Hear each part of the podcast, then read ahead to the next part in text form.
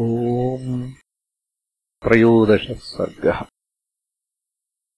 श्रीमहादेव उवाच। ततः शक्रः सहस्राक्षो यमश्च वरुणस्तथा। कुबेरश्च महातेजाः। पिनाकी पुरुषवाहनः। ब्रह्मा ब्रह्मविदाम् श्रेष्ठो मुनिभिः सिद्धचारणैः ऋषयः पितरः साध्या गन्धर्वाप्सरसोरगाः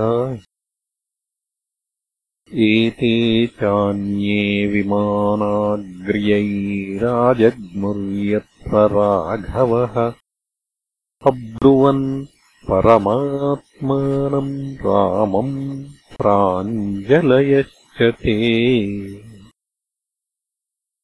कर्ता त्वम् सर्वलोकानाम् साक्षी विज्ञानविग्रहः। वसूनामष्टमोऽसि त्वम् रुद्राणाम् शङ्करो भवान् आदिकर्तासि लोकानाम् ब्रह्मा त्वम् चतुराननः अश्विनौ घ्राणभूतौ ते चक्षुषी चन्द्रभास्करौ। लोकानामादिरन्तोऽसि नित्य एकः सदोदितः सदा शुद्धः सदा बुद्धः सदा मुक्तो गुणोद्वयः। त्वन्मायासंवृतानाम् त्वम् भासि मानुषविग्रहः। त्वन्नाम स्मरताम् राम सदा भासि चिदात्मकः रावणेन हृतम् स्थानमस्माकम् तेजसा सह। त्वयाज्यनिहतो दुष्टः पुनः प्राप्तम् पदम् स्वकम्। एवम् स्तुवत्सु देवेषु ब्रह्मा साक्षात्पितामहः अब्रवीत् प्रणतो भूत्वा रामम् सत्यपथे स्थितम् ब्रह्मोवाच। वन्दे देवम् विष्णुमशेषस्थितिहेतुम्। त्वामध्यात्मज्ञानिभिरन्तर्हृदि भाव्यम् हेया हेयद्वन्द्वविहीनम् परमेकम्।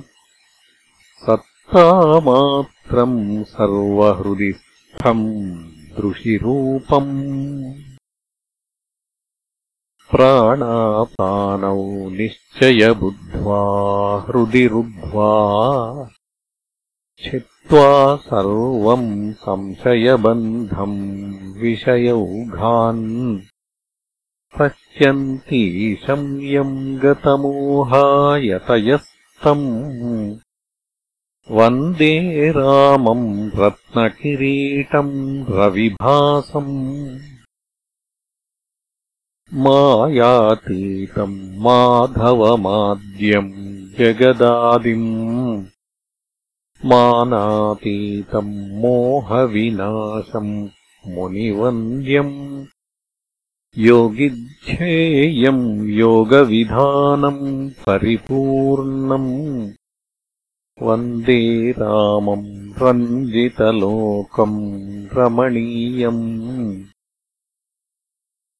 भावाभावप्रत्ययहीनम् भवमुख्यैः योगासक्तैरर्चितपादाम्बुजयुग्मम् नित्यम् शुद्धम् बुद्धमनन्तम् प्रणवाख्यम् वन्दे रामम् वीरमश्येषासुरदावम्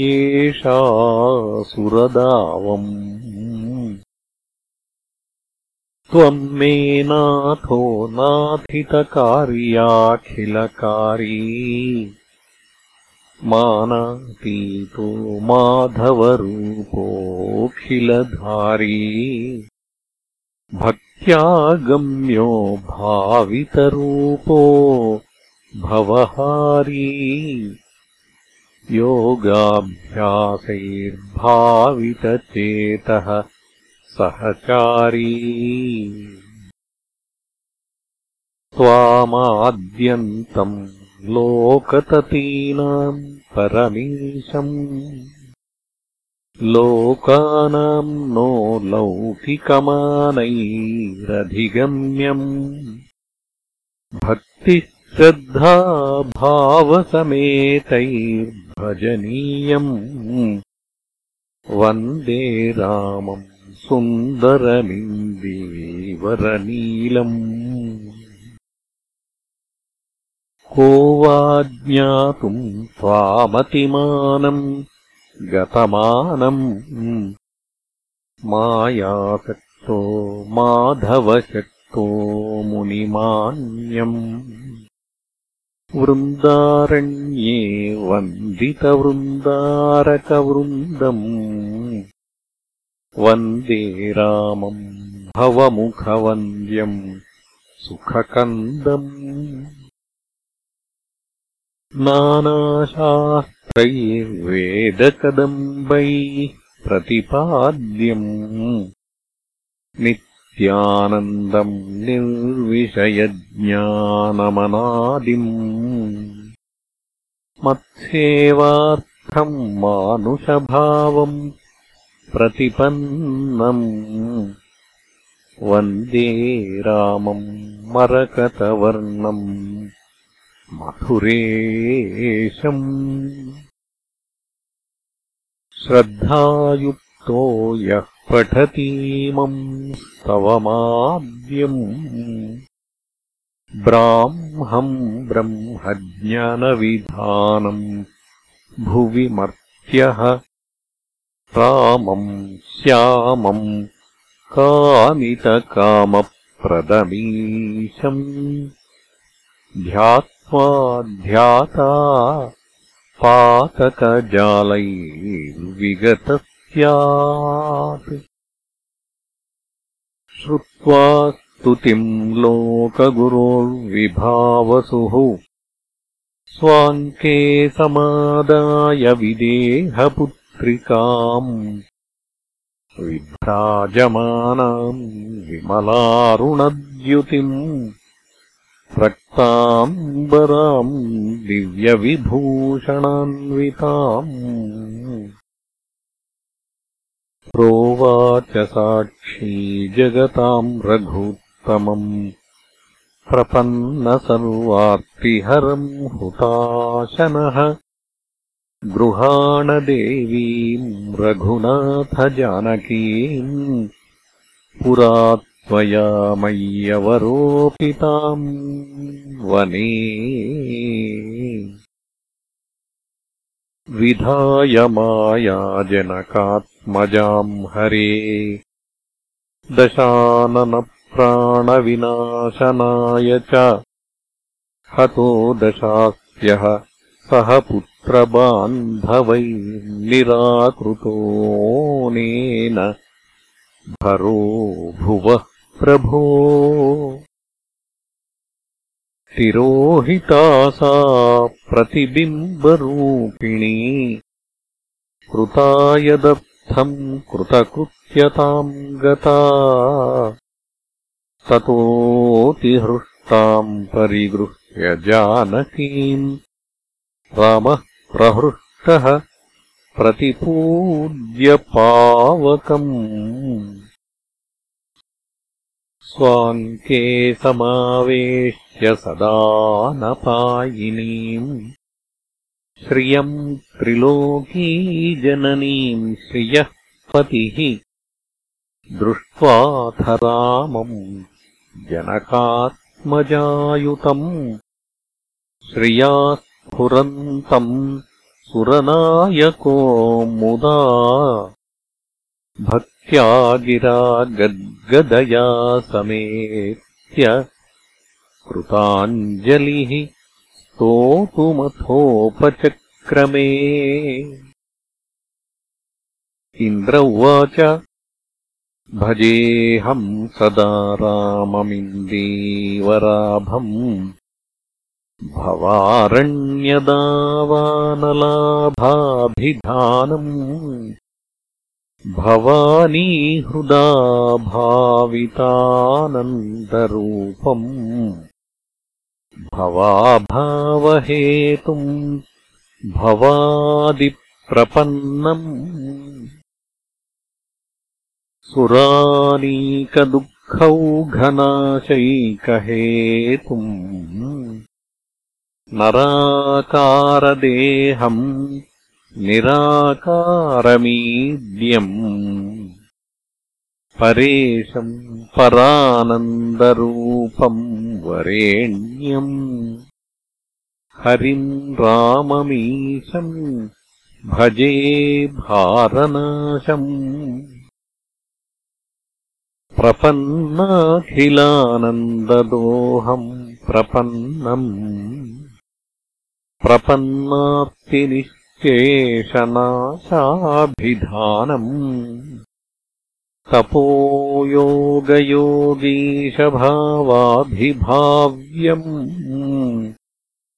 कपीशादिमित्रम् भजे राममित्रम्। सदा भोगभाजाम् सुदूरे विभान्तम् सदा योगभाजामदूरे विभान्तम्। चिदानन्दकन्दम् सदा राघवेशम् विदेहात्मजानन्दरूपम् प्रपद्ये। महायोगमायाविशेषानुयुक्तो विभासीशलीलानराकारवृत्तिः त्वदानन्दलीलाकथापूर्णकर्णाः सदानन्दरूपा भवन्तीह लोके अहम् मानपानाभिमत्तप्रमत्तो न वेदाखिलेशाभिमानाभिमानः इदानीम् भवत्पादपद्मप्रसादात् त्रिलोकाधिपत्याभिमानो विनष्टः। स्फुरद्रत्नकेयूरहाराभिरामम् धराभारभूतासुरानीकदावम् शरच्चन्द्रवक्त्रम् लसत्पद्मनेत्रम् दुरावारपारम् भजे राघवेशम् सुराधीशनीलाभ्रनीलाङ्गकान्तिम् विराधादिरक्षोवधाल्लोकशान्तिम् किरीटादिशोभम् पुरारातिलाभम् भजे रामचन्द्रम् रघूणामधीशम् लसच्चन्द्रकोटिप्रकाशादिपीठे समासीनमङ्के समादाय सीताम्। स्फुरद्धेमवर्णाम् तडित्पुञ्जभासम्। भजे रामचन्द्रम् निवृत्तार्तितन्द्रम्। ततः प्रोवाच भगवान्। भवान्यासहितो भवः रामम् कमलपत्राक्षम् क्षम् विमानस्थो नभस्थले। आगमिष्याम्ययोध्यायाम् द्रष्टुम् त्वाम् राज्यसत्कृतम्। इदानीम् पश्य पितरमस्य देहस्य राघवः ततोपश्यद्विमानस्थम् रामो दशरथम् पुरः ननामशिरसा पादौ मुदा भक्त्या सहानुजः। आलिङ्ग्य मूर्ध्न्यवघ्राय रामम् दशरथोऽब्रवीत्।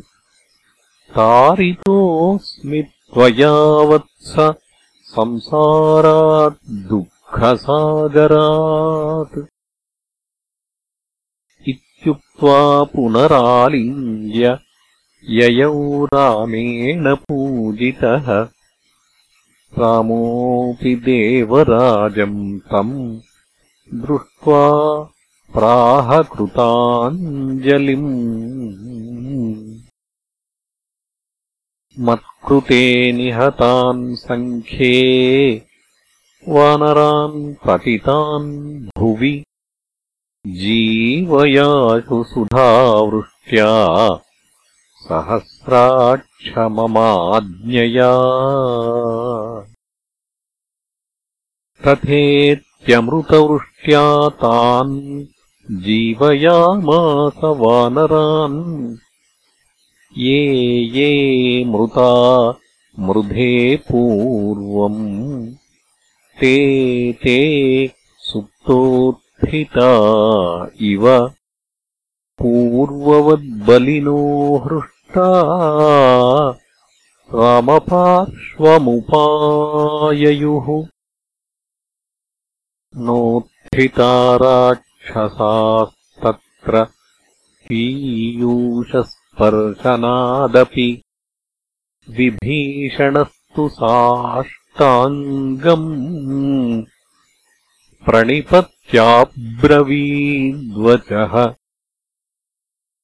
देव मामनुगृह्णीष्व मयि भक्तिर्यदा तव।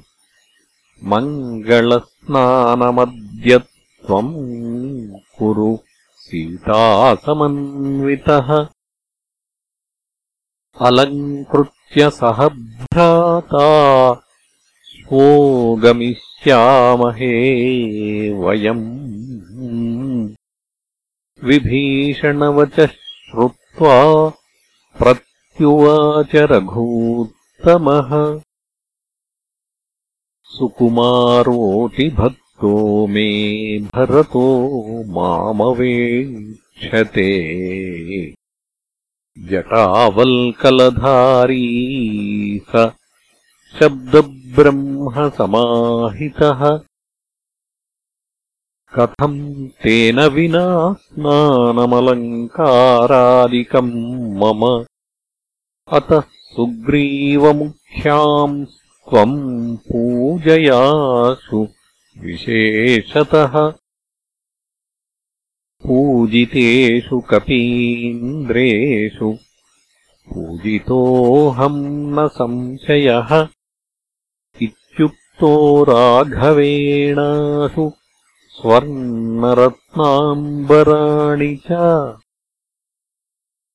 ववर्ष राक्षसश्रेष्ठो यथा कामम् यथा रुचि। ततः तान् पूजितान् दृष्ट्वा रामो रत्नैश्च यूथपान्। अभिनन्द्य यथा न्यायम् विससर्ज हरीश्वरान्। विभीषणसमानीतम् पुष्पकम् सूर्यवर्चसम् आरुरोह ततो रामस्तद्विमानमनुत्तमम् अङ्के निधाय वैदेहीम् लज्जमानाम् यशस्विनीम्। लक्ष्मणेन सह भ्रात्रा विक्रान्तेन धनुष्मता अब्रवीच्च विमानस्थः श्रीरामः सर्ववानरान्। सुग्रीवम् हरिराजम् च अङ्गदम् च विभीषणम्। मित्रकार्यम् कृतम् सर्वम् भवद्भिः सह वानरैः अनुज्ञाता मया सर्वे यथेष्टम् गन्तुमर्हथ। सुग्रीव प्रतियाह्याशु किष्किन्धाम् सर्वसैनिकैः। स्वराज्येव स लङ्कायाम् मम भक्तो विभीषण न त्वाम् धर्शयितुम् शक्ताः। सेन्द्र अपि दिवौकसः। अयोध्याम् गन्तुमिच्छामि। राजधानीम् पितुम् मम। एवमुक्तास्तु रामेण। वानरास्ते महाबलाः ऊचुः प्राञ्जलयः सर्वे राक्षसश्च विभीषणः। अयोध्याम् गन्तुमिच्छामः त्वया सह। रघूत्तम दृष्ट्वा त्वामभिषिक्तम् तु कौसल्यामभिवाद्य च पश्चाद्वृणीमहे राज्ञमनुज्ञाम् देहि। नः प्रभो। रामस्तथेति सुग्रीववानरैः स विभीषणः पुष्पकम् स हनूमांश्च शीघ्रमारोह साम्प्रतम् ततस्तु पुष्पकम् दिव्यम्। सुग्रीवः सहसेनया विभीषणश्च सामात्यः। सर्वे चारुरुहुर्द्रुतम् तेष्वारूढेषु सर्वेषु कौबेरम् परमासनम् राघवेणाभ्यनुज्ञातमुत्पपात विहाय सा। बभौ तेन विमानेन हंसयुक्तेन भास्वता प्रहृष्टश्च तदा रामः चतुर्मुख इवापरः ततो बभौ भास्करबिम्बतुल्यम् कुबेरयानम् तपसानुलब्धम् रामेण शोभाम् नितराम् प्रपेदे सीतासमेतेन सहानुजेन। इति श्रीमदध्यात्मरामायणान्तर्गते उमामहेश्वरे संवादे युद्धकाण्डे त्रयोदशः सर्गः